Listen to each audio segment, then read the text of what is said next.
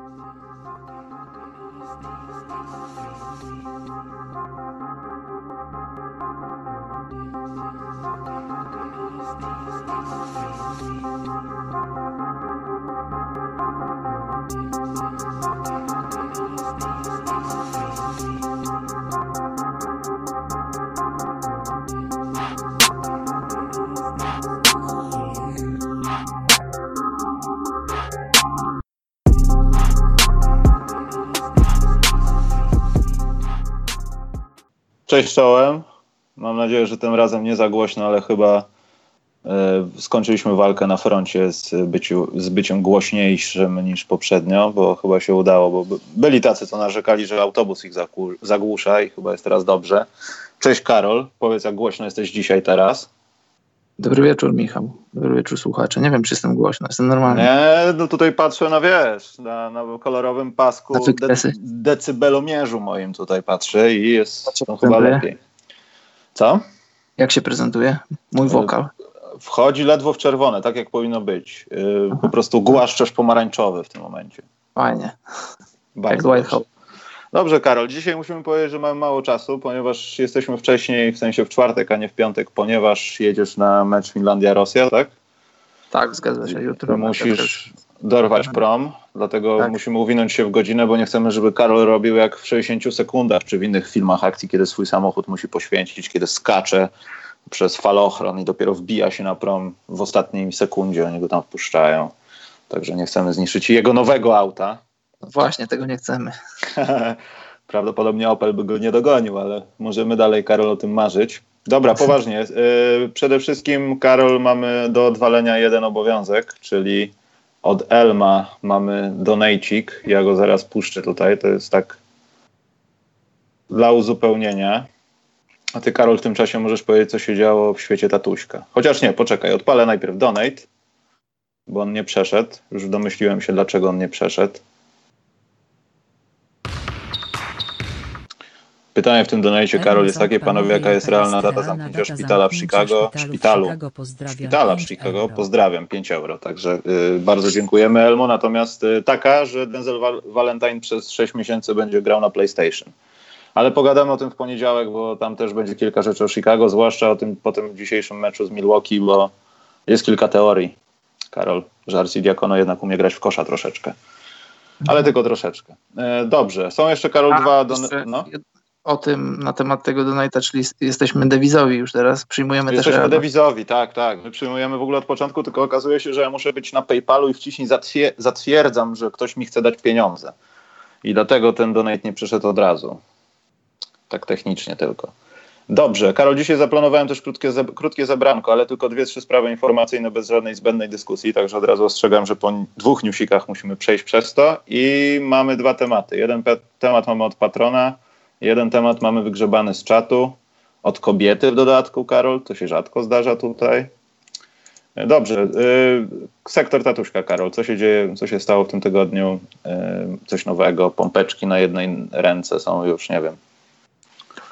Włączyliśmy książki, jeszcze ich nie czytamy, ale zaczęliśmy je oglądać. Z dziadkiem? Tak. A, dziadzie widziałem. Co to była za lektura, Karol? O czym to było? No, jakaś jedna z tych lepszych lektur, tych obowiązkowych, tych, tych znanych aktorów. Tak, ale co, jakiś parowozik, zwierzątka jakieś, co tam było? Czy po prostu już, wiesz... Nie pamiętam, nie pamiętam dokładnie. Wojna i kara obrazkowa, już zaczynasz wtedy edukację Zbrodnia dziecka. I kara. Zbrodnia i kara. Znaczy zbrodnia i kara, bez kary, w sensie Ikar, wiesz, że Ikar zrobił zbrodnię. Tak, to było jedno z tych wielkich dzieł, już nie pamiętam które, ale na razie w obrazkach. Obrazkach. Dobrze, Karol, ale z takich rzeczy znaczących to no, jak na razie czytelnictwo jest, tak? Rozumiem. Mhm, tak. Dobrze, witamy wszystkich tych, którzy, nie chcę powiedzieć doszli, ale przyszli właśnie teraz. E, Abu Dhabi, Boże. Jesteśmy już w Chinach, już nawet nie chcę mówić pod jakimi więzieniami polskimi Karol Buzer figuruje jako wlepka. To też dotarły do mnie, e, do mnie takie różne fotografie. E, dobrze, Karol. E, najpierw zabranko czy newsiki? Newsiki. Dobrze. Pierwszy podstawowy newsik, no to Kyle Korver wraca w matczyne tak. ręce Utah Jazz. Karol, jesteś? Pomyślałem, że cię tak, urwało. Jestem, jestem, jestem cały czas. E, wraca. ta wymiana też sprowadza e, jak gdyby w ręce Rodneya Huda Aleka Bergsa. Boże, Alek Bergs, tak? Tak, tak. I wszyscy powinni być zadowoleni, ale myślisz, Karol, że to jest, mi się tak wydaje przynajmniej, że to jest skok na to, że weźmy Korwera, co by się nie marnował, ale my musimy dzięki temu poprawić nasze różne problemy z ofensywą. Tak mi się wydaje, Karol. E, ja myślę, Michał, że e, jeśli mamy powiedzieć, kto jest zwycięzcą tej, tej wymiany, to moim zdaniem są to Cavs. Cavs dostają, dostają Treja Berka, który... Aleka Berka. Aleka Berka. Tak, Aleka Berka, który, który jest teraz na schodzącym kontrakcie. On w tym roku zarobi 11,5 miliona dolarów i ten kontrakt wygasa po tym sezonie. I z, z, tego tytułu jest to bardzo atrakcyjny kontrakt, bo będzie można nim handlować przy, przy, przy, okazji trade deadline. I wyobrażam sobie scenariusz, w którym Cavs wysyłają go gdzieś do jakiejś drużyny, która potrzebuje wzmocnić ławkę i będzie gotowa za to oddać kolejny wybór w drugiej rundzie draftu, bo przypomnijmy, że razem z Berkiem do Cavs przyszły dwa wybory w drafcie z 2020 i z 2021 roku. I jak dla mnie to, to, no nie tylko dla mnie, ogólnie w skali ligi, wybory w drugich rundach draftów to są wybory zawsze pożądane i, i wysoce cenione, bo ludzie wybierani w drugich rundach draftów są zazwyczaj na niskich kontraktach, jeśli chodzi o pieniądze i są to kontrakty niegwarantowane, nie musisz tych ludzi z drugich rund podpisywać. A czasem, jeśli, jeśli uda ci się wydraftować jakiś wielki talent i sprawdzić go w Summer League, no to nie stoi nic na przeszkodzie, żeby go przyjąć do swojej drużyny, ale też możesz zrobić jak wiele klubów na przestrzeni wielu lat, możesz mieć prawa do jakiegoś zawodnika, zawodnika, który nigdy w NBA się nie pojawia, tak na przykład Peteri Koponen, do którego, do którego Mavs mają prawo od kilku lat, wcześniej to chyba była Philadelphia czy Portland. Takie wybory w drugich rundach to mogą być też, y, jak, mogą stać się też elementem kolejnych wymian, na przykład przy, przy okazji Kevina Love, gdyby kiedyś Cavs chcieli się go pozbyć, a Kyle Korver ma jeszcze dwa lata w kontrakcie, ten i następny za 7,5 miliona, więc, więc Cavs wyczyścili sobie ładnie salary i mogą teraz spokojnie tankować. I wiesz, czy to, czy ta wymiana opłaci się y, Jazz? No na pewno nie zaszkodzi, no bo, no bo Korver jest doświadczonym weteranem, ma 37 lat, tylko że, tylko że Jazz, Jazz mają teraz bilans 10-12, są na 13 miejscu na zachodzie, więc to nie jest taki ruch, który odwróci, odwróci losy tego sezonu dla Jazz. On, Korver na pewno nie przeszkodzi w tej rotacji, na pewno się przyda, bo pamiętasz jak w zeszłym roku była wymiana i Jay Crowder odszedł z Cavs i pojawił się w Jazz i nagle w zasadzie można powiedzieć, że dostał nowe życie, zaczął grać w systemie i sam to zresztą podkreślał, że, że on lubi grać, w systemowej koszykówce i się w niej odnajduje.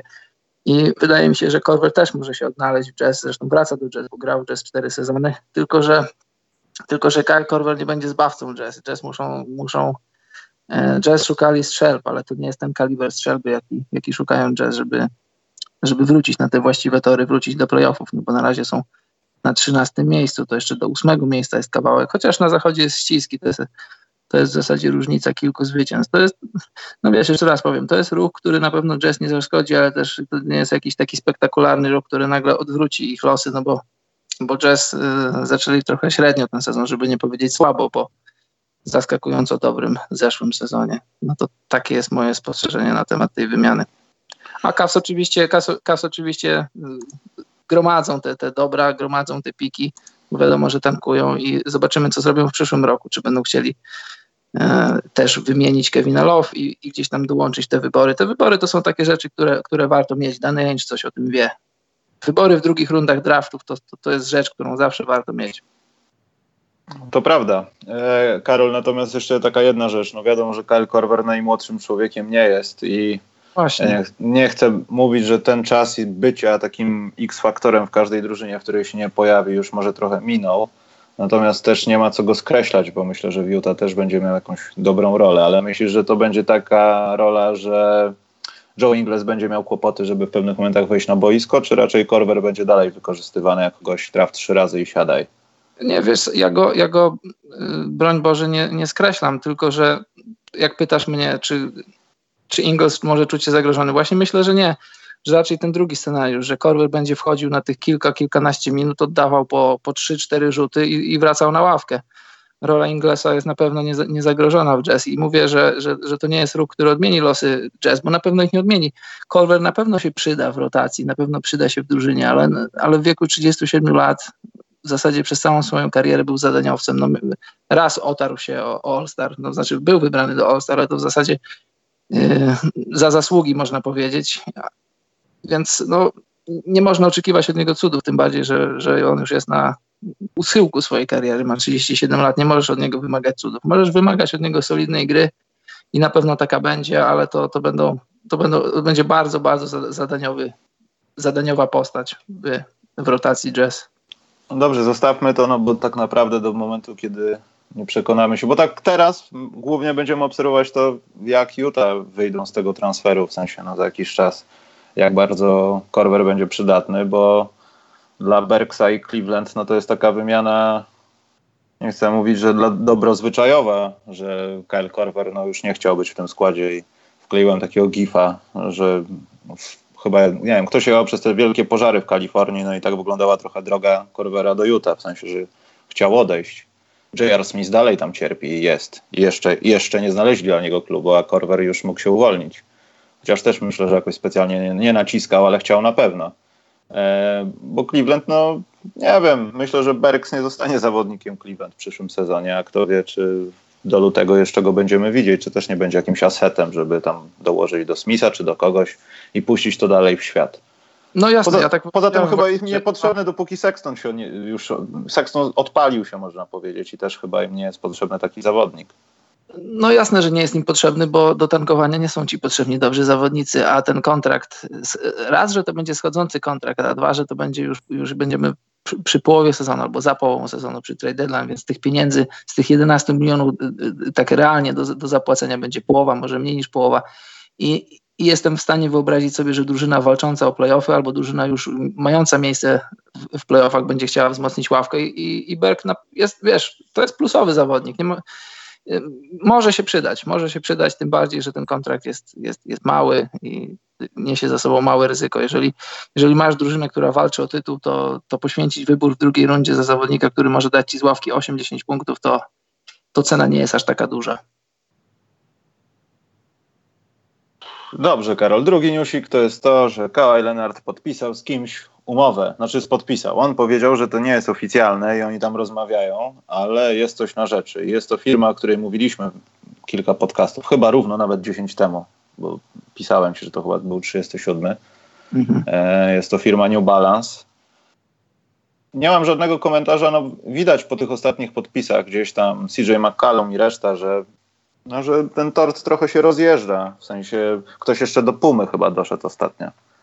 Nie pamiętam kto. Tak, był, był. ale nie pamiętam kto. Tak, ale jest jakiś nowy gracz w Pumach i to też pokazuje, że zawodnicy no, idą za pieniędzmi, bo te firmy będą starały się trochę podkup podkupywać ten rynek, który jest niby ustalony. A myślę, że ten podpis należy rozpatrywać przez to, że wiem, Karol, ty powiesz, że wujek, ale może wujek. E, dach, od dach dla Kałaja, e, słowa z San Antonio, że on nie był liderem, teraz teraz rezygnacja, bo ta umowa obuwnicza z Jordanem to miała być podpisana w wakacje, ale pieniądze się nie zgodziły. Teraz się zgodziły chyba pieniądze, skoro może do tego dojdzie. Myślisz, że Kałaj nam dojrzewa Karol na oczach, że w końcu mówi, że chce to, nie chce tamtego? Bo wiesz, poprzednio nie był aż tak wokalny w takich sprawach, bo myśmy się o tym nie dowiadywali.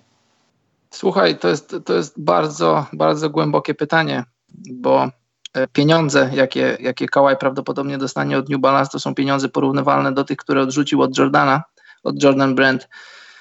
Dlatego wiesz, przepraszam, dlatego pytam, bo wiesz, Jordan Brand on byłby kolejną osobą w gamie, a tutaj może będzie tym franchise playerem na razie organizacji.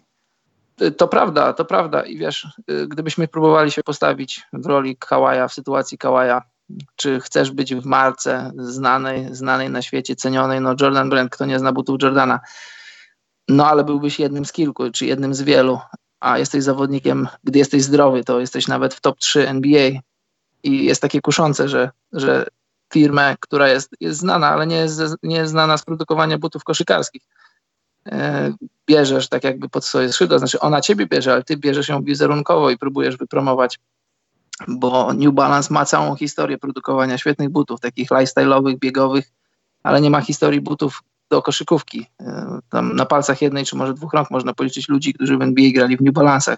Byli to Matt Bonner, Red Racket, był to James Worthy, ML Carr, z tego co pamiętam, czytałem wczoraj listę. To lista tych ludzi, którzy grali w New jest bardzo krótka. No i teraz nagle masz Kawaja, zawodnika w top 3 NBA i i myślę, że to zadecydowało. Kawaj, dla Kawaja pewnie było to dosyć atrakcyjne i też myślę, że oprócz takich tych żywych pieniędzy z tytułu umowy też mógł dostać coś, coś na boku, to znaczy na boku, nie na boku, ale w umowie napisane, że, że, że dostajesz swoją własną linię, że być może dostajesz procent od sprzedaży. No, jestem, nie mogę się doczekać, jak te buty będą wyglądać, bo też myślę, że potwierdzisz, że buty New Balance to są dobre buty, tylko że akurat na rynku koszykarskim ich nie było, niestety. Naprawdę mówię niestety, bo, bo znam markę, to też na pewno i słuchacze też pewnie znają.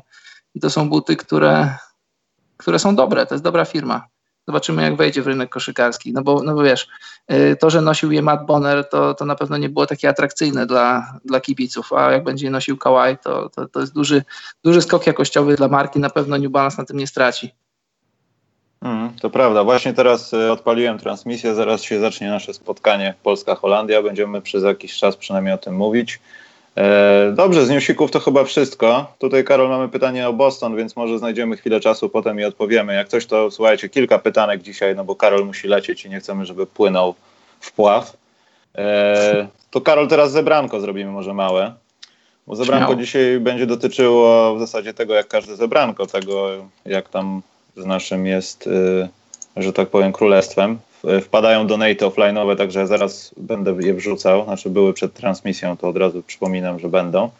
E, słuchajcie, ja dostałem prototyp od producenta naszych koszulek. E, jesteśmy na, na no już takim poziomie ustalania tego, jak one mają docelowo wyglądać, bo ten projekt docelowo nie jest taki, jaki bym chciał, ale tutaj naprawdę jest kwestia tylko, nie wiem, dłuższego druku, jakichś takich rzeczy technicznych, ustawienia logotypu, także to już w wersjach produkcyjnych będzie w porządku zrobione.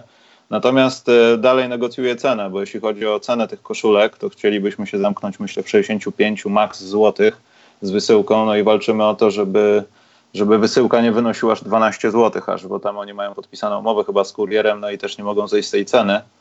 A chcielibyśmy też tak zrobić, że te, które wyprodukowane będą dla patronów i, no i dla tych ludzi, którym obiecaliśmy, na przykład Top GMs, no to my tam sobie to jakoś e, zrobimy, tylko jeśli ktoś będzie chciał po prostu ją kupić, no to najwygodniej byłoby to zrobić z tego właśnie miejsca, a też nie chcielibyśmy, żeby do, do tej ceny jeszcze była doliczana wysyłka, a też nie chcielibyśmy robić tego tak, że tak naprawdę, nie wiem, no dostaniemy za to 2-3 złote i kompletnie to będzie korzystne tylko dla producenta, można powiedzieć, a nie dla nas.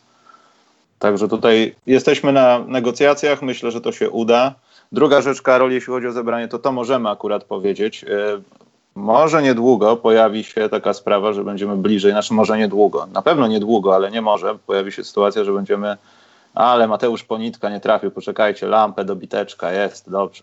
E, Kickstore, taki sklep warszawski, znany obuwniczy i w ogóle, no chyba w Polsce znany, bo też są w wielu miastach w Polsce, natomiast no, sklep koszykarza wszędzie figuruje, Kickstore to jest taka warszawska nazwijmy to podziemna odmiana sklepu, który zawsze istniał, ale jest w tej samej branży, y, chce z nami współpracować, no i będziemy mieli kilka, kilka konkursów, kilka rzeczy do rozdania, może jakieś specjalne zniżki i tak dalej, także y, podcast specjalny wchodzi w to. Koło Fortuny będzie w 50 odcinku, myślę.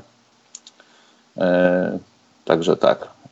Kończąc zebranie, jest, jeśli chodzi o patronów, zaraz wrzucę na ekran, ile, ilu nas jest, ile nas jest w zasadzie, ile zebraliśmy, i w ogóle. A Karol, nie wiem, czy masz włączony mecz, ale jest 8-2 dla Polski i ktoś zabił właśnie Holendra pod koszem i chyba to był e, Aaron Cel. Tak, zabił go.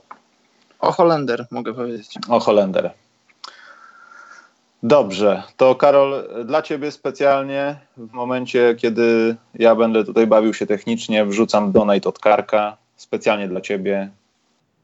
Karku ma dedykację nie dla nas niestety, natomiast dla kogoś, kogo obaj lubimy. Karol, zapraszam Cię przed y, twój telewizor internetowy, proszę bardzo. Słucham, zamieniam się w słuch. A ja tutaj y, kombinuję.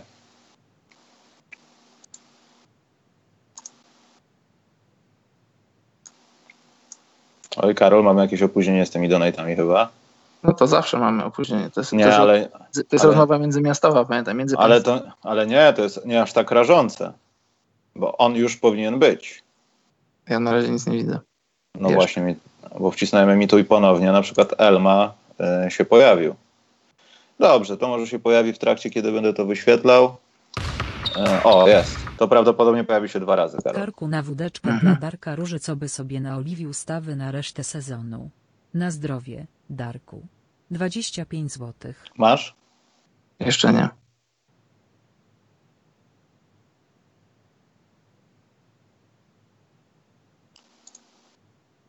To jest na wódeczkę dla Darka Róży, co by sobie naoliwił stawy na resztę sezonu. Na zdrowie Darku. A Przekażemy. Dziękujemy, Karku. Ważne, że żyjesz, bo pamiętamy tą historię donate'ów i wiesz, imprezy imprezami, ale ważne, żebyś żył, no. Słuchaj, Kark na pewno wie, po pierwsze to pije za swoje, a po drugie wie, kiedy zejść ze sceny niepokonanym. To jest raz, a poza tym Karku rozpoczął właśnie ten trend offline'owych donajcików. Myślę, że on jest prekursorem, tak, powinniśmy się z nim dzielić. Dobrze, na ekranie macie to, jak wygląda nasz Patronite na chwilę obecną. Tutaj zrobię takie małe szuruburu, bo ci, co są i czytali i tak dalej. Tutaj możemy się pochwalić, że w zasadzie w podziałce koszykówka, nie licząc loży NBA, która sprzedaje gazetę i w zasadzie chciałbym ją bardzo zobaczyć, jak to wygląda nawet nie tyle co w odniesieniu do MVP, tylko jak teraz wyglądają gazety o koszykówce w Polsce. Yy, No to nawet Karola Śliwę, takiego blogera, pewnie kojarzycie, miażdżymy dupę mu. Właśnie tu podświetlam, jak bardzo ma zmiażdżoną dupę. Nie no, śmieję się, Karol, oczywiście Ale szacunek. Właśnie, klik, kliknijcie też, też mnie wspomóżcie. Ja, ja mam cel w moim patronajcie, że chcę jechać do, Ki- do Chin i nikt mnie nie chce wysłać. Dobrze, po to to zrobiłem. Może ludzie chcą cię, wiesz, uratować. Dobrze, zanim A zaczniemy mówić... chcą, nie chcą, żebym pojechał do Chin. E, Zanim zaczniemy mówić o temacie od, y, od, z czatu i od patrona, to ja jeszcze y, rozwiązanie konkursu było, ale jeszcze tutaj pokażę, kto wygrał, co wygrał. Pytanie było dosyć podchwytliwe i w zasadzie też zauważyłem, że może nieprecyzyjnie je ująłem tak jak chciałem, bo chciałem, żeby liczyć z WKK, ale jak sam przeczytałem to pytanie, to można było wywnioskować, że bez WKK, dlatego uznawałem 15, a dużo To osób... jak- Wym... No. O jaki procent szpitalnych łóżek? 1442 godziny. Bardzo dobrze Ale powiedziała pani na pytanie, następne na pytanie. jeszcze nie zadałem. Dokładnie. No. A, jakie, a jakie było pytanie w naszym konkursie? Tak poważnie. Pytanie w naszym konkursie było, kiedy miała miejsce premiera książki Billa Simonsa. Aha. Oczywiście wiadomo, że nie Polska, 100 tylko chodziło o start sezonu 2009-10. Można było podać 64 sezon, to też było y, honorowane. I do książek koszykarskich związanych z koszykówką do tej pory wydało wydawnictwo SQN. Mhm. I tych książek było 18, e, z tym, że no, dwie książki miały dwa wydania i w zasadzie wszyscy, którzy prawidłowo odpowiedzieli, e, wymieniali to, także tutaj nie miałem problemu, że ktoś e, e, Wielkiej Księgi Koszykówki nie wymienił. E, Także tak to wygląda. Dobrze, Karol. E, Podejmujemy temat konfliktów najpierw, czy ten temat związany z Golden State Warriors? A ja tu będę łypał na Polskę. Ty zadecyduj, jest mi to obojętne. Dobrze, może konflikty, bo to jakoś tak też y, wiadomo, no każdy temat możemy prześwietlić w 14 następnych podcastach, ale o tych konfliktach chyba najłatwiej coś powiedzieć, najszybciej może myślę, że odpowiemy na to, bo tam może będzie troszeczkę dłużej. E, dobrze, Karol, to ja się oczywiście muszę zająć tutaj napisami, a przeczytam temat. Wyrzuć pytanie. Wyrzuć temat, jest od pat patrona Marcina, tylko że on się nie nazywa Marcin. To już ustaliliśmy kilka, temu, kilka podcastów temu. A może się nazywa, kto to wie? Nie wiadomo. Pytanie jest takie, konflikty. Nie chodzi mi o bójki, ale o sytuację, kiedy ktoś ma z kimś na pieńku. Jak prowokacje wpływają na dyspozycję gracza, drwiny w portalach społecznościowych, czy to na serio, czy wykreowane dla klik kibiców. Poczekajcie, bo linia mi się łamie i nie widzę. Dla klikalności, przepraszam. Trzy przykłady aktywnych graczy. Rondo Paul, Embiid Drummond, Westbrook Beverly. Karol, przeczytałem pytanie. Możesz zacząć się ustosunkowywać. Tak, już zaczynam się stosunkować do tego pytania. E, słuchaj, e, ja bym zaczął od tego, że zawodowi sportowcy to są, to są ludzie, którzy są jednymi z najbardziej wrażliwych ludzi na to, jak, jak, jak działają media społecznościowe, jak działa internet. No bo oni w zasadzie są na śmieszniku 24 godziny na dobę i w zasadzie każdy ich ruch jest śledziony, czy to online, czy offline. Jeżeli offline, to, to w dzisiejszych czasach każdy może ci zrobić zdjęcie, każdy może nagrać z tobą film, a jeżeli online, no to musisz ważyć każde słowo, bo twój tweet będzie retweetowany tysiące czy dziesiątki tysięcy razy. Jeśli zobaczycie na, na, na profile największych koszykarzy NBA, LeBrona, Westbrooka i, i innych wielkich koszykarzy, to śledzą ich miliony i jeśli oni coś wrzucą kilkanaście sekund wcześniej, to, to, to te rzeczy po kilkunastu sekundach, po minucie, po dwóch minutach już mają dziesiątki tysięcy retweetów, dziesiątki tysięcy komentarzy.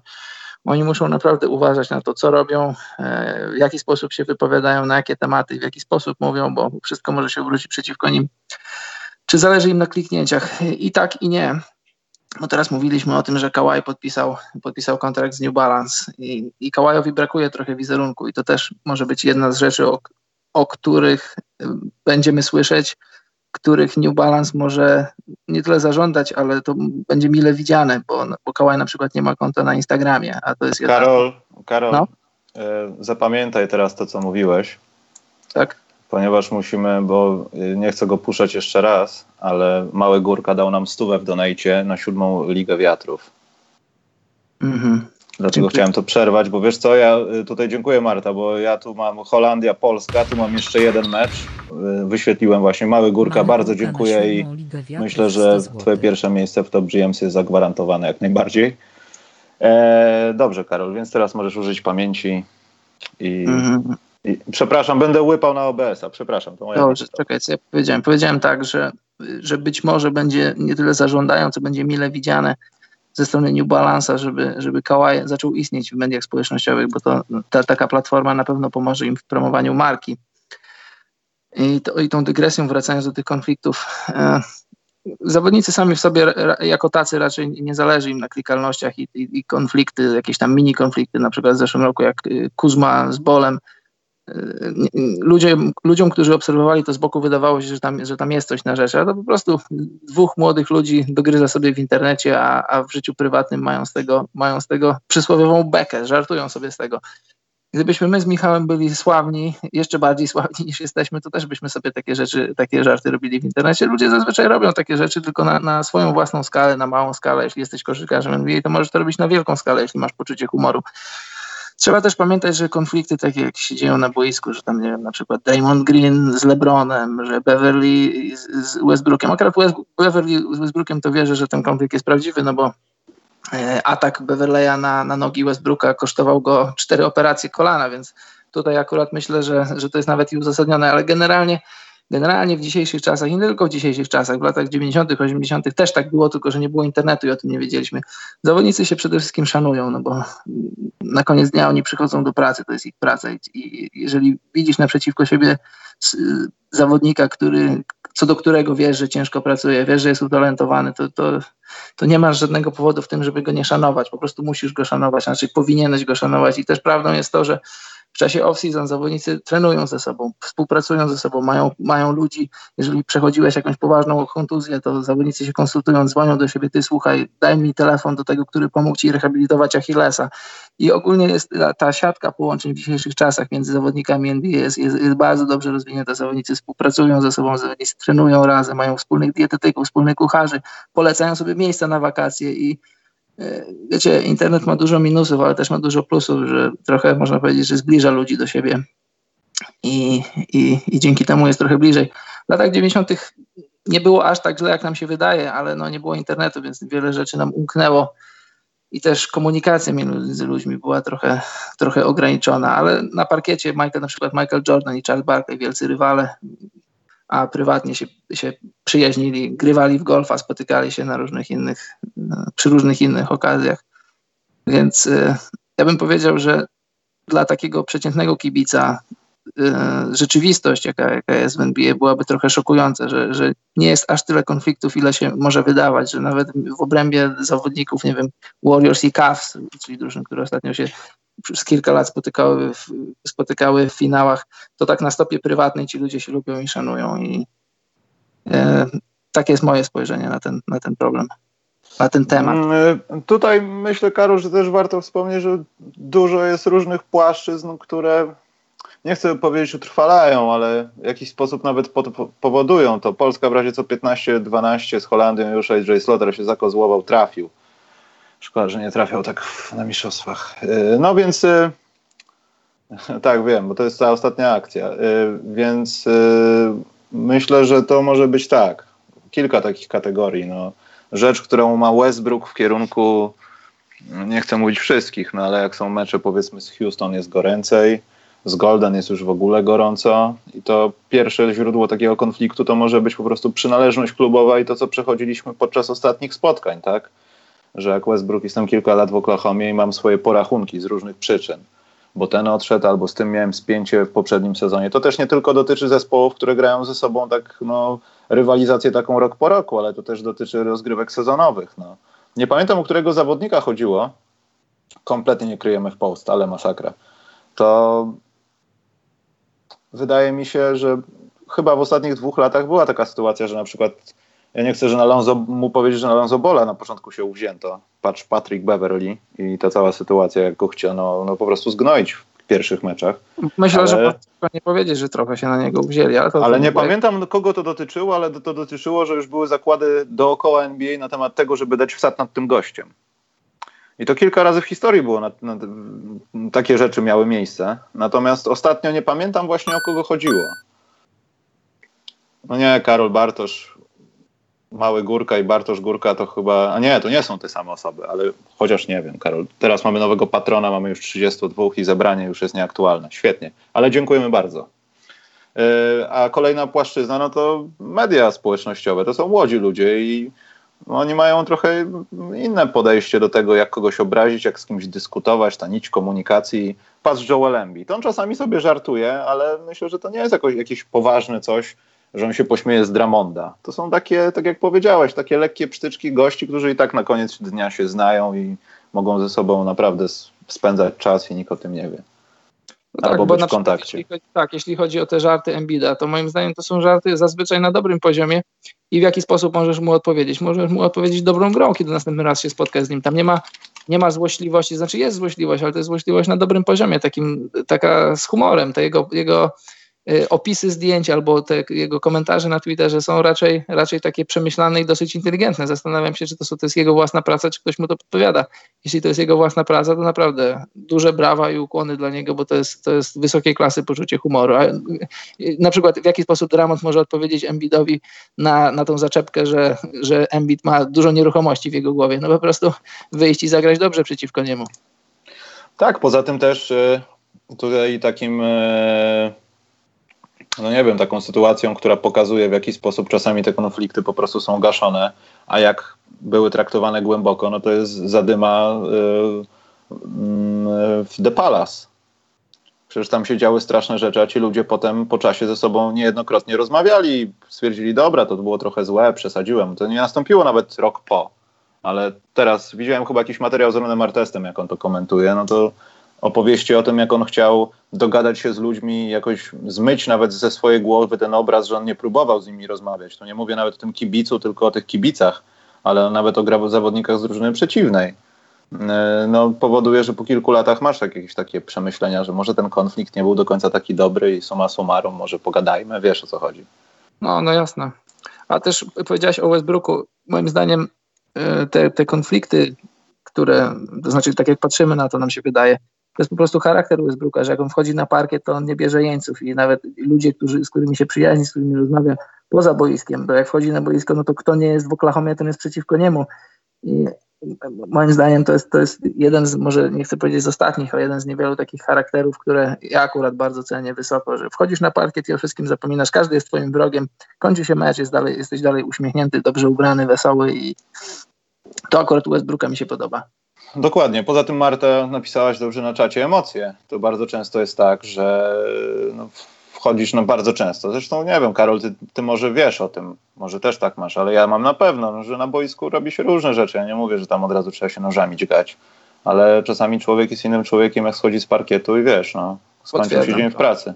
To mi się bardzo przypomina taka bajka Warnera z tym e, takim chyba, to było chyba z Kojotem i z takim e, nie wiem, psem pasterskim, że oni robili sobie wszystko, jak trzeba było pilnować albo atakować owce, ale potem podchodzili do drzewa i kasowali taki bilecik, że już po robocie i co tam, co tam, na razie, na razie. Ale wcześniej tak, tak było, rozpierduchać, ganie się nożami i tak dalej, w ogóle najgorsze rzeczy. Zachodzi słońce, już nie ma konfliktu.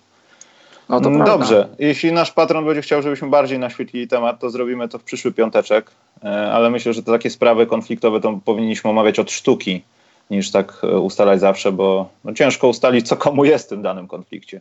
No ale tak, tak, żeby podsumować jednym czy dwoma zdaniami, to możemy powiedzieć, że takich, takich realnych konfliktów, że ludzie się naprawdę nie lubią z jakiegoś powodu, to, jest, to są naprawdę pojedyncze, sporydyczne przypadki. No na przykład Westbrook i Beverly. No Westbrook może mieć, może mieć żal do tego, że podczas próby wzięcia timeoutu ewidentnie chciał wziąć timeout, nie chciał grać już e, Beverly wjechał mu w nogi i to go kosztowało. W rezultacie no cztery operacje, bo, bo to się ta, ten uraz uszkodził sobie łąkotkę i to się skończyło jedną operacją, później drugą, trzecią, ostatnią, czwartą. No to tutaj akurat może mieć do niego e, e, prawdziwe pretensje, ale tak generalnie większość tych konfliktów to są, to są konflikty nie wiem, no nie chcę powiedzieć, że na potrzeby czegoś, bo to, to, nie ma żadnej potrzeby poza jakąś tam rozrywkową y, rzeczą w internecie, ale generalnie, generalnie zawodnicy w NBA się lubią i szanują, a nawet jeśli się nie lubią, to po prostu się szanują i mają dużo, inter, in, róż, dużo różnych innych interakcji pozaboiskowych i, i te konflikty nie są aż tak wielkie, aż tak poważne, jak czasami się kreuje na parkiecie, że są. Dobrze, Karol, to ja w takim układzie, e, można powiedzieć, od Twojego znajomego e, wrzucę do Nejcika teraz, żeby się wyświetlił. Ty, Karol, masz czas na zobaczenie i przechodzimy do tematu z czatu. I myślę, że tak pojedziemy go szybciutko rok po roku, żeby jakieś pytanka jeszcze zmieścić, bo Karol, jak prawdziwy ojciec, wymierzam czas. 36 minut, Karol, także mamy jeszcze ze 20. Dobrze. Dobrze, to ty obserwuj, a ja tutaj e, robię porządek i wrzucam nasze pytanie. Nie wiem, coś dzisiaj te donaty z opóźnieniem jakimś takim. Ja znowu wcisnąłem realizację i strasznie późno. Dobrze, w tym czasie Polska 24 do 18 z Holandią. Łukasz Koszarek już wygląda, jakby nie mógł oddychać, czyli znaczy, że jesteśmy cały czas w grze. Jest taka zależność, Karol, że jak Koszarek już wygląda tak, jakby miał śmierć kliniczną, to gramy dobrze, bo on trzyma grę. Ja się wcale z tego nie śmieję, broń Boże. Słyszałem o tej teorii. Był ten donate w końcu? Nie wiem, nie widziałem. Zobacz, przecież ty masz pilnować i patrzeć. Karol, drugi raz. Patrzę i nie widziałem, znaczy, że nie było. A, to przepraszam. O, teraz, teraz wbił. Misio na ciepłą herbatę. Pozdro 30 zł. U mnie jeszcze nie. No to u ciebie za chwilę. Dobrze. Drugie pytanko zaraz będzie.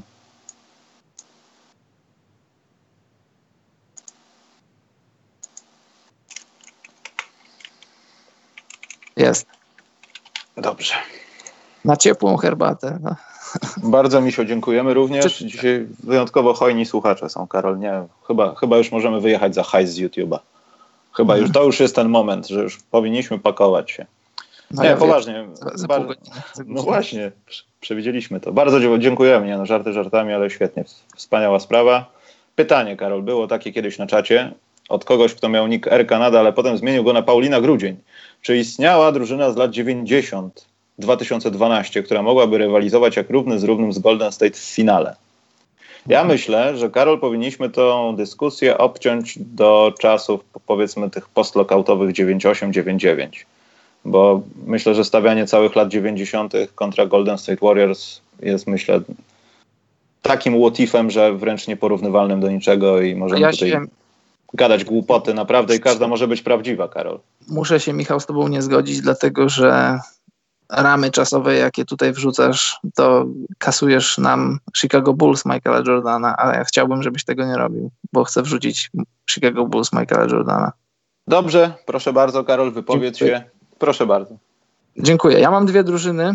To są właśnie Chicago Bulls Michaela Jordana z, z tych lat, no czy pierwszego, czy pit. Ja bym powiedział, że drugiego z tych lat 96, 7, 8.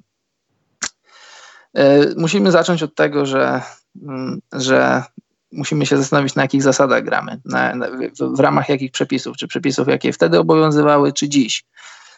E, gdybyśmy grali na przepisach, w, w ramach przepisów, jakie obowiązywały w latach 90., czyli mielibyśmy, mielibyśmy e, moglibyśmy mieć, popełniać błąd 3 sekund w obronie, coś, czego nie możemy teraz robić, moglibyśmy bronić na zasadzie hand check, coś, co zostało skasowane w, la, w roku 2003 lub 2004, nie pamiętam dokładnie, ale wydaje mi się, że był rok 2003 na 4 właśnie. I o drużynie Chicago Bulls prowadzonej przez Jordana i Pippena wiele się mówiło odnośnie ataku, no bo to była drużyna, która perfekcyjnie atakowała. Jeśli masz Jordana, najlepszego koszykarza wszechczasów, człowieka, którego się nie dało zatrzymać, no to yy, oczywiście mogło umknąć kibicom, że ta drużyna też była perfekcyjna w obronie. Oni świetnie bronili. i gdyby przyszło im grać teraz Golden State Warriors na, na, na, na tamtych zasadach, to, to Warriors też pytanie było, ile, ile mieliby czasu, żeby się przygotować do takiego meczu, gdybyśmy grali na zasadach lat 90. Byłoby im naprawdę bardzo, bardzo ciężko. Wyobraź sobie, wyobraź sobie wielką dłoń Jordana, wielką dłoń Pippena cały czas gdzieś tam na boku Karego i, i Thompsona. Oni całe swoje koszykarskie życie grali, grali w, w ramach innych przepisów i byłoby im bardzo ciężko e, przynajmniej na początku, odnaleźć się w ataku, mając cały czas obrońcę, cały czas człowieka na, na sobie, człowieka, który może cały czas ręką cię prowadzić. To było, to było legalne do, do lat, do lat 2003-2004 i to jest czymś, tak jak mówię, ani Kary, ani Thompson, ani, ani żadna z obecnych gwiazd nie miała do czynienia, bo na, na, na w zasadzie na całym etapie swojej koszykarskiej edukacji ci ludzie już grali w, w obrębie w ramach nowych przepisów, więc to by było dla nich trudne. Gdyby Bulls y, poszli trochę duchem dzisiejszej koszykówki i zagraliby taką niską piątką z Rodmanem na środku, no, chciałbym coś takiego zobaczyć, bo to, to mogłoby dać nową jakość Bullsom, to tak, taką jakość, o której być może nawet Phil Jackson jeszcze wtedy nie myślał.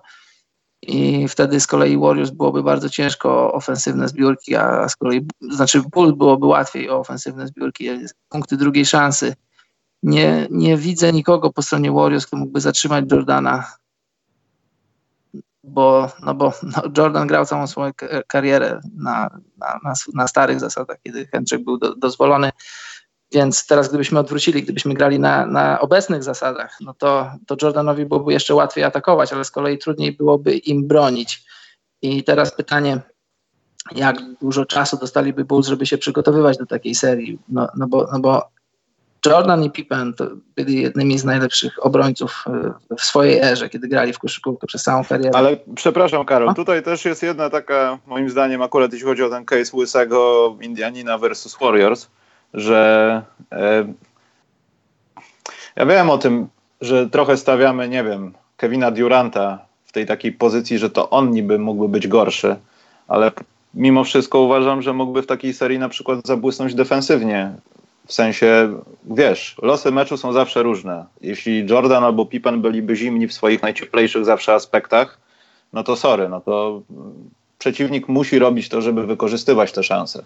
A ja czasami widzę oczami wyobraźni, jak Michael Jordan wchodzi pod ten kosz, po jednej zasłonie, po drugiej. Wszyscy wiedzą, że już ma 30 na koncie i nagle z pomocy wychodzi Kevin Durant, który wtedy byłby, nie chcę powiedzieć atletycznym frikiem, ale wtedy byłby jeszcze bardziej frikowy niż jest teraz w obronie ciągu ostatnich, nie wiem, dwóch lat.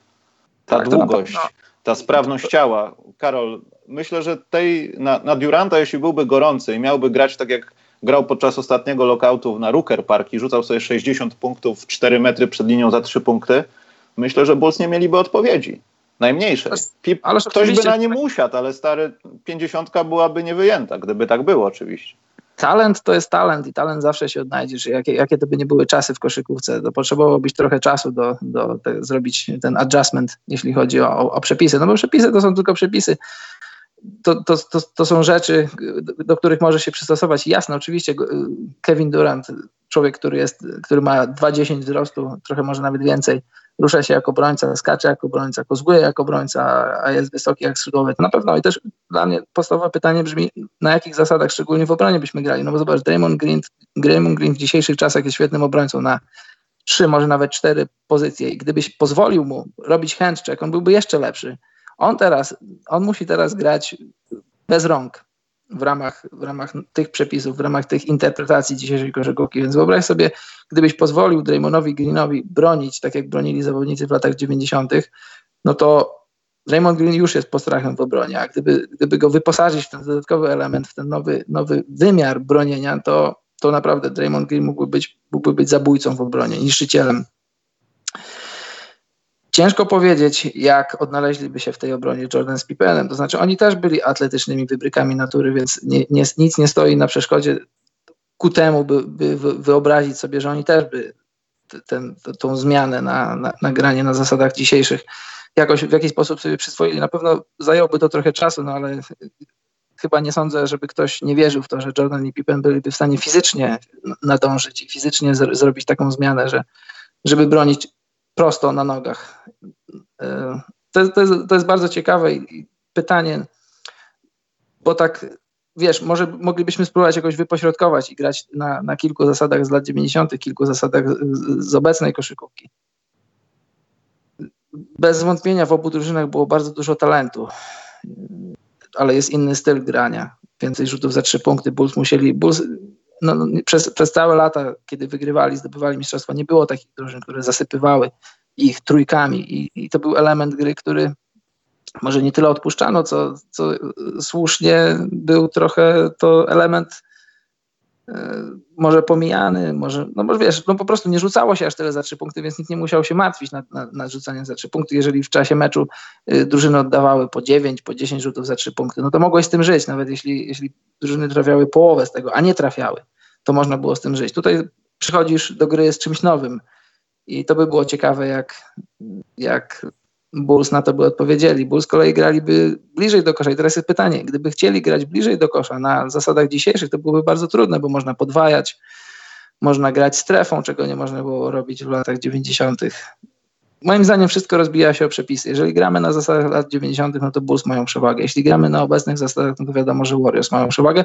Chociaż z kolei, jeśli atakujemy na zasadach dzisiejszych, no to, no to Jordan, Jordan czuje się jak ryba w wodzie, bo jeżeli Jordan w czasach handcheckingu i w czasach, kiedy można było go bez pardonu sprowadzić na ziemię, jeśli atakujemy na zasadach dzisiejszych, kiedy za, za atak powyżej szyi y, możesz być ukarany wyrzuceniem z boiska, no to, no to Jordan by się czuł jak ryba w wodzie i nie widzę nikogo, nawet Andrzej Gudole, nawet Thompsona i kogo tam jeszcze sobie wymienić, nawet Raymonda Greena, ludzi, którzy mogliby zatrzymać Jordana jeden na jednego.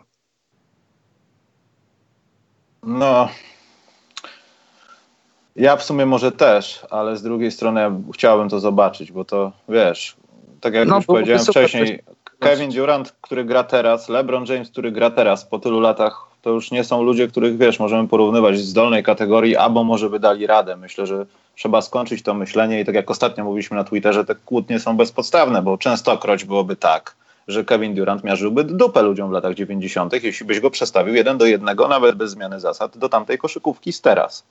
Oczywiście, ja też, y, wiesz, ja mam, mam swoją teorię na temat gloryfikowania koszykówki lat 90., ale chyba nie mamy czasu teraz, żeby to rozwijać. Nie ma, nie ma, nie ma wątpliwości, nie ma, nie mam najmniejszych wątpliwości, że największe talenty dzisiejszej koszykówki odnalazłyby się w koszykówce lat 90. To jest trochę mit, że tamta koszykówka była tak, taka, taka żelazna, taka twarda, ta obrona była taka, taka świetna.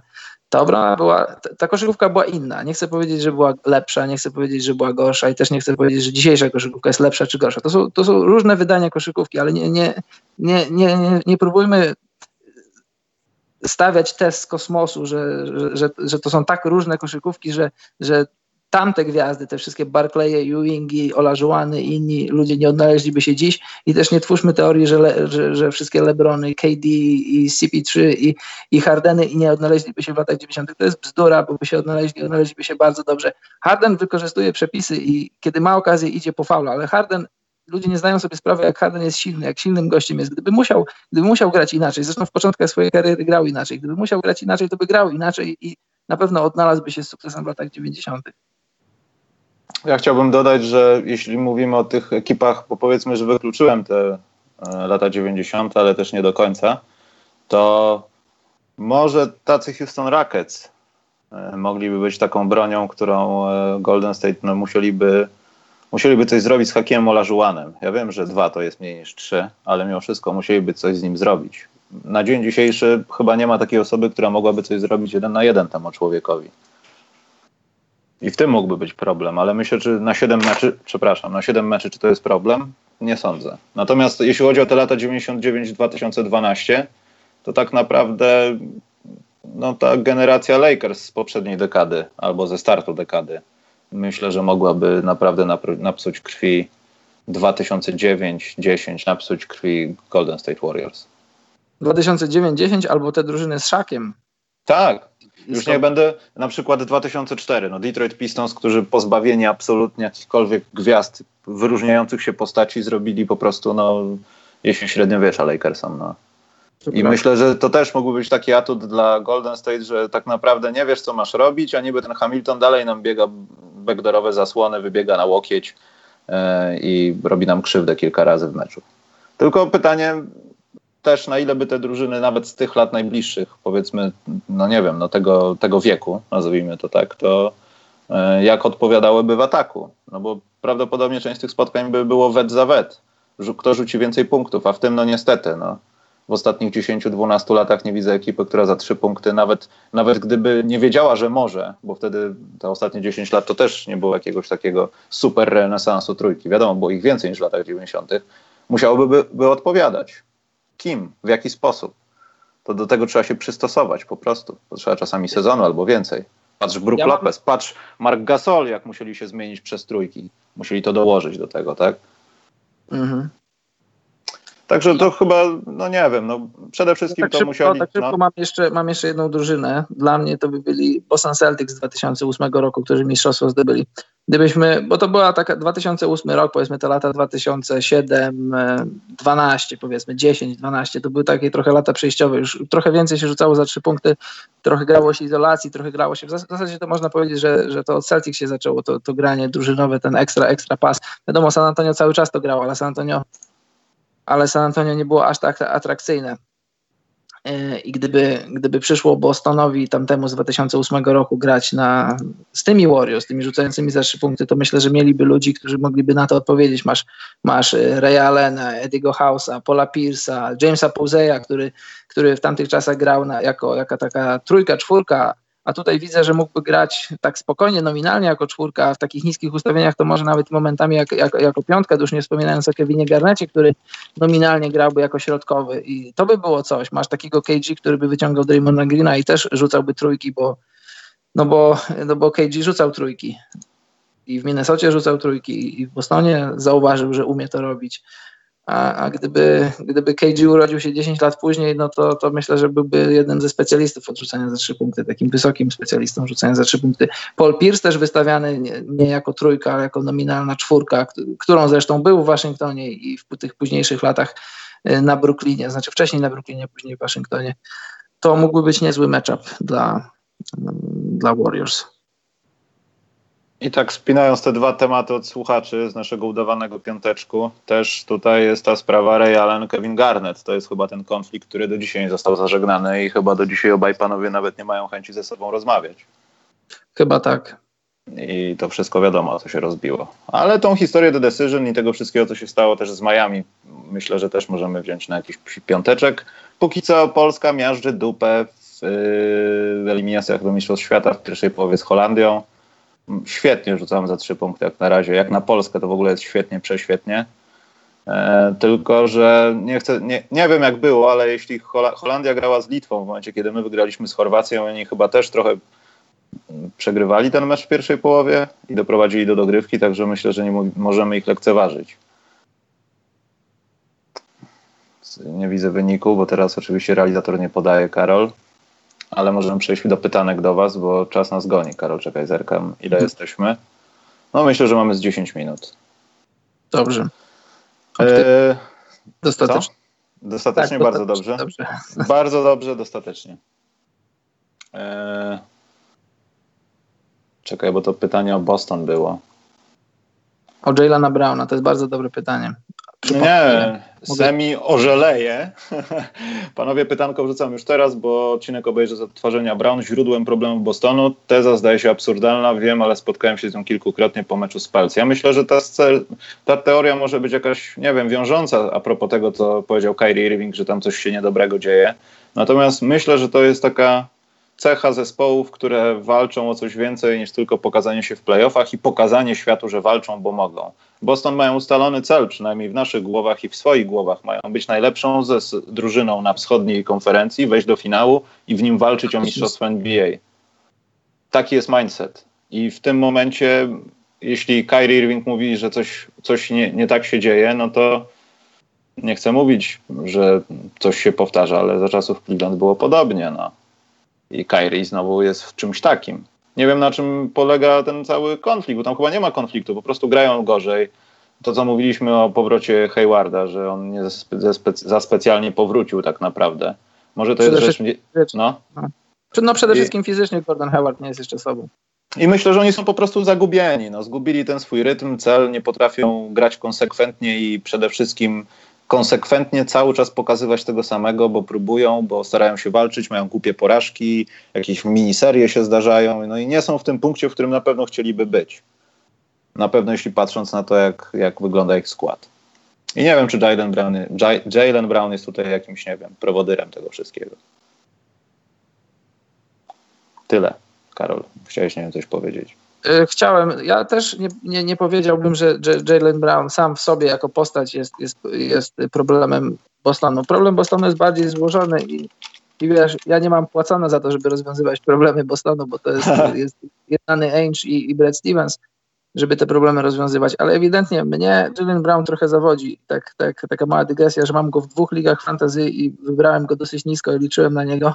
On też pewnie sam liczył na siebie, ale to jest dla mnie duży minus tego sezonu, bardzo duży minus tego sezonu, bo Jalen Brown w trzecim sezonie w NBA gra o nowy kontrakt i wydawało mi się, że to będzie przełomowy rok. Zaczął, zaczął w NBA od 6 punktów na mecz, później wskoczył na 14 no i wydawało mi się, że ten trzeci rok, to jest trzeci rok, który teraz odgrywa, to będzie przełomowy rok, że będzie się ocierał o 20 punktów, a tymczasem on zdobywał 3 punkty mniej, on zdobywał tylko 11 punktów. Z 46% z gry skuteczności spadł na 39, za 3 punkty, to, to, są, to jest tragiczne 25%. Z osobistych 62.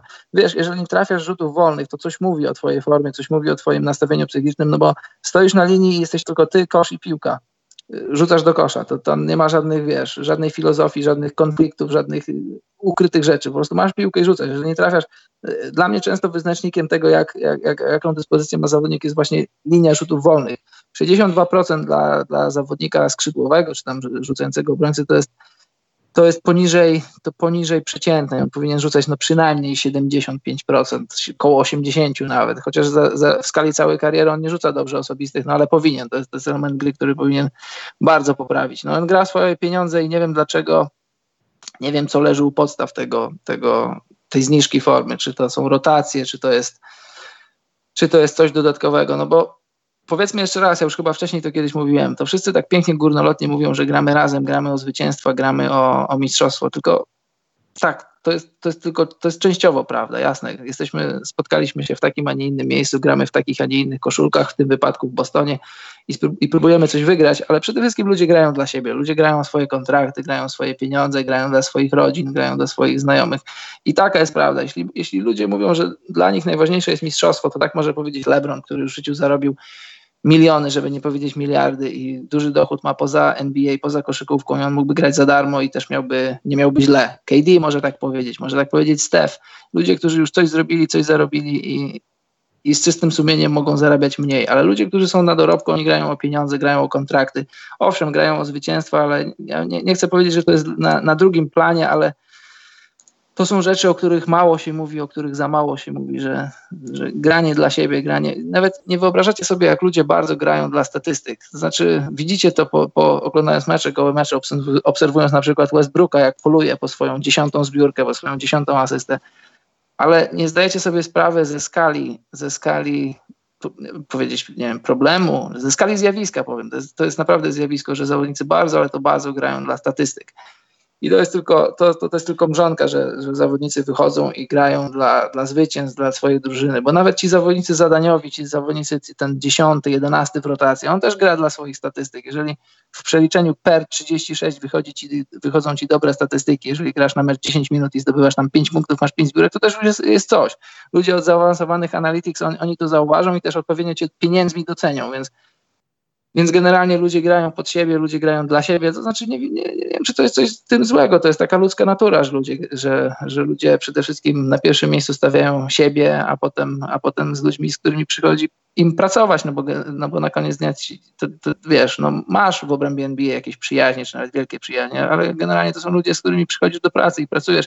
Pamiętam w zeszłym roku Gordon Hayward mówił takiego, udzielił szczerego wywiadu i myślę, że trzeba go za to szanować, że siedział na tych meczach Bostonu i im kibicował, ale gdzieś tam podświadomie myślał sobie, że może nawet lepiej byłoby, gdyby Boston nie wygrał w tym roku mistrzostwa, no bo gdyby wygrał bez niego, z nim kontuzjowanym, to może się okazać, że nie potrzebujesz zawodnika, który zarabia 30 milionów dolarów za sezon, więc myślę, że, że ta, ta sfera finansowa, ta sfera biznesowa to też może być coś, czego nie można przeceniać, bo, bo nie tylko nie tylko Jalen Brown grał nowy kontrakt. Terry, Terry Rozier, powiedz Michał. Ja, ja teraz się uczę Alonso Trier Terry Rozier, Terry Rozier będzie zastrzeżonym wolnym agentem i on też grał swoje pieniądze i on też, ten sezon też nie wygląda tak jak miał wyglądać, tak jak mógł wyglądać w wykonaniu Roziera, bo on zdobywa tylko 8 punktów na mecz, a po niezłych playoffach, których tam rzuca chyba 15 czy 16, wydawało się, że w tych drugich unitach, kiedy, kiedy e, Kyrie będzie odpoczywany, to, to Terry Rozier będzie niszczył e, tych swoich vis-a-vis rozgrywających e, z drugich piątek. Na razie tego nie robi. I to też, wiesz, może być jakiś taki konflikt. To są takie małe konflikty, które narastają. Siedzisz gdzieś tam w szatni i patrzysz na te statystyki, patrzysz na tą tabelę, że to jest nie do końca, to nie wszystko wygląda tak, jak chciałeś, żeby wyglądało. I gdzieś tam te frustracje będą narastać. I, i ten czynnik ludzki, no bo talentu talent cieknie, ten talent możesz zbierać w szatni Bostonu i zamykać w słoiki i sprzedawać, bo tam talentu jest bardzo, bardzo dużo, ale z jakiegoś powodu to na razie nie klika. To jest, wiesz, ja myślę, że to nie jest jeszcze czerwona flaga, no bo Boston z jakiego miejsca by nie przyszedł do playoffów, a do playoffów na pewno Boston wejdzie, to będzie groźny dla każdego, kto by to nie był, czy będą z szóstego miejsca grali z trójką, czy z siódmego z dwójką. Ja myślę, że oni na koniec dnia i tak będą jeszcze top 4 wschodu, czy nawet top 3 wschodu, ale gdzie by nie byli, to, to, jest, to jest wielki talent, wielki coaching, wielki klub i, i, i to tyle, co chciałem powiedzieć o Bostonie. Dobrze, Karol, będziemy powoli kończyć. Ja chciałem tylko powiedzieć, że zakończyliśmy pierwszą połowę 53-37. W tej kwarcie 26 do 19. Karol, twój kolega, twój kolega bardzo dobrze gra bardzo dobre zawody, jak to się mówi. No, cieszę się. Cieszę się. Twój kolega ma 8 punktów, 5 zbiórek, 4 asysty, proszę ciebie. Jest 4 na 6 z gry, 4 na 5. A, za 2 punkty, ok. Tylko boli to, że z naszych zawodników, jak do tej pory wiem, że widać, że gramy na obwodzie i staramy się robić dobry spacing, unikać jakichś niepotrzebnych sytuacji, no to tylko Chrycaniuk był na linii. Dwukrotnie, dwa razy trafił i to był jedyny osobisty dla naszej drużyny, która gra na 70% skuteczności z gry. 21 na 30. Wow, serio. Przeciwnik coś. za 3 jest 1 na 10. Dobrze, Karol, szybki rzut oka na czacik. E, co się stało z San Antonio Spurs? No to, to, to, są objawy tego, że San Antonio niestety trochę leci w dół i zaczyna, zaczyna, się, co teraz mamy zrobić i kim mamy grać. Mówiliśmy o tym w poprzednim To już mówiliśmy wiele razy. Ludzie, tak. Ludzie, tylko i wyłącznie ludzie. Tam brakuje po prostu rąk do pracy. Gdybyśmy, ja często mówię, bo pamiętasz, rozmawialiśmy też, które miejsce w drafcie miałby Brad Stevens. Pamiętasz, były takie rozmowy, że, że tak Boston świetnie gra. Nie doceniało się ludzi, docenia się trenerów. Żadnego miejsca w drafcie by nie miał, bo grają ludzie, a nie trenerzy i gdybyśmy my z Michałem poszli grać w San Antonio, to nawet Greg Popowicz nie wyciągnąłby z nas zbyt wiele. Znaczy ja bym rzucał za trzy z rogu, ale ogólnie nic by to nie dawało i po prostu no, odpowiedź jest prosta. San Antonio, w San Antonio brakuje ludzi, brakuje talentu, brakuje, brakuje szerokiej kadry, bo ludzie, którzy mieli grać, to nie grają, bo mają kontuzję, bo, bo ich już nie ma w San Antonio. No w San Antonio po prostu tylko i wyłącznie brakuje ludzi. E, Szymon Kasprzak padł już temat Minnesota i tego, jak bez Butlera jest to jedna z najlepszych, jedna najlepszych, z najlepszych obron w lidze. Defensy w sensie. Nie wiem, może to tak teraz wygląda statystycznie, ale ja pamiętam dalej mecz z Chicago Bulls i tam nie było dobrej obrony. Pomijam, że Chicago zaczyna być niewygodną drużyną, bo nie mają nic do stracenia. Jarają się, że Lauri wróci i potrafią walczyć z, z Milwaukee, no, że Middleton musi kończyć mecz. A to jest jedna z czołowych drużyn na wschodzie, przypomnijmy. Nie wiem, Karol, chyba, chyba powiem o tym w poniedziałek i zaczekamy, aż ta próbka urośnie. Jeśli naprawdę tak no. tak będzie, to, to przyjrzymy się temu. W ostatnich meczach faktycznie wygląda to dobrze i Covington okazuje się być graczem, który może grać poza tym systemem i świetnie się spisuje. Natomiast Jasne. jak to będzie dalej, to samo dotyczy San Antonio, także do tego jest poniedziałeczek. Jedno zdanie na koniec na temat Minnesota. No, y, szaloną teorią byłoby łączyć odejście Jimmy'ego Butlera z tym, że, że Minnesota nagle zaczęła bronić. Tak Ej, jak to nie jest aż tak szalone. Jeśli jesteście nie, głębacy, ale po prostu ci, statystycznie to się przekłada, Karol. tak, prostu. jasne, ale posłuchaj, y, to tak jak powiedziałeś, potrzebujemy większej próby, bo póki co były zwycięstwa z Bulls. Bulls byli tylko 96 punktów z Cavs. 95, wiadomo, Bulls i Cavs drużyny tankujące, drużyny słabe. No i San Antonio będące w kryzysie, 89 punktów. Statystycznie to wygląda ładnie i, i wiadomo, i Covington jest, jest klasowym obrońcą, jest dobrym obrońcą, ale to wiadomo, że, że w Minnesocie to wszystko się zaczyna i kończy od, od Kata i Wigginsa. Jaki oni dadzą przykład, jak to będzie wyglądało, to wszystko zaczyna się od nich. No i wiadomo, masz, masz Covingtona, który jest free and D i, i, i też na pewno pomaga ci w, w, w obronie, no ale e, łączenie odejścia Jimmy'ego Butlera, który też broni, jest jednym z najlepszych obrońców w lidze. Powiedzmy to, przypomnijmy to, musimy o tym mówić. Nie można tego łączyć, no bo można to łączyć tylko na ten moment z kalendarzem, no bo zagraliśmy, znaczy my, no, Minnesota zagrała przeciwko dwóm słabym drużynom i przeciwko San Antonio, które jest w kryzysie i, i, i stąd wyszły te dobre statystyki, no bo żadna z tych drużyn nie rzuciła więcej niż 96 punktów, a San Antonio nie rzuciło nawet 90 i statystycznie to wygląda bardzo ładnie, ale potrzebujemy większej próby, żeby, żeby wyciągać dalej idące wnioski na temat obrony Minnesoty. No dobrze, Karol. To chyba możemy, możemy. Ja bym jeszcze mógł pogadać, ale wiem, że się śpieszysz, Karol, także powodzenia, szerokiej drogi, żeby mecz był dobry. Ja, ja też nie powiem, skorzystam na wolnym piątku, bo finał mam w sobotę, także lepiej się przygotuję do meczu, choć już jakieś tam przygotowania poczyniłem. E, także Karol, trzymaj kciuki. Trzymam w ogóle trzymajcie kciuki za Monsun. Ja tutaj robię ten routing taki mocny, żeby mieć jeszcze więcej kibiców. Jak ktoś z Warszawy, to może przyjść zobaczyć, aczkolwiek no nie spodziewajcie się wodotrysków. Wiem, że to brzmi nie, nie, dyplomatycznie. No i w poniedziałek będziemy rozmawiali chyba już o ćwiartce sezonu. Pogadamy o zeszłym sezonie, zeszłym tygodniu, ale myślę, że zajmiemy się ćwiartką. Kto jest najlepszy po tej ćwiartce, jakieś najlepsi, Ćwiartka najgorsi. Na... Co? Ćwiartka na dwóch. Ćwiartka na dwóch, dokładnie. Pod warunkiem, że jeden nie pije, to jest ok. Albo dwóch nie pije. E, poczekaj, Wiggins bardziej szkodzi niż pomaga, T-Wolves mimo to wygrywają, mogło być równie dobrze nie być, nawet, wiesz, Wiggins będzie tak niewyraźnie wyglądał przez resztę kariery, aż w końcu dojdzie do takiego momentu, że on chce, będzie chciał być potrzebny komuś z ławki gdzieś w jakimś kontenderze. No są tacy zawodnicy, którzy muszą dochodzić do tego, też ostatnio o tym rozmawialiśmy, także e, tak to jest. Dobrze, Karol. E, trzymamy kciuki za Polskę, bo też grają dziś i grają w niedzielę, tak? Grają tak, w niedzielę z Włochami w Polsce. No i co? No i trzymajcie się. Dzięki za dzisiaj. Sorry, że ten piątek tak wypadł, no ale widzicie, losowa sprawa. Ja nie chcę, żeby Karol się utopił. Także co, Karol? Nie no? się utopić. Chciałbym jeszcze pożyć trochę, jeszcze chciałbym parę rzeczy zrealizować. No, mam nadzieję, że z Tobą je zrealizujemy. Słuchajcie, no, do zobaczenia w poniedziałek, do usłyszenia. Nie do zobaczenia, co ja pieprzę. Dobrze, Karol, pora na Twoją kwestię i uciekamy. Dziękujemy za dziś i dobranoc, mili ludzie. Thank you.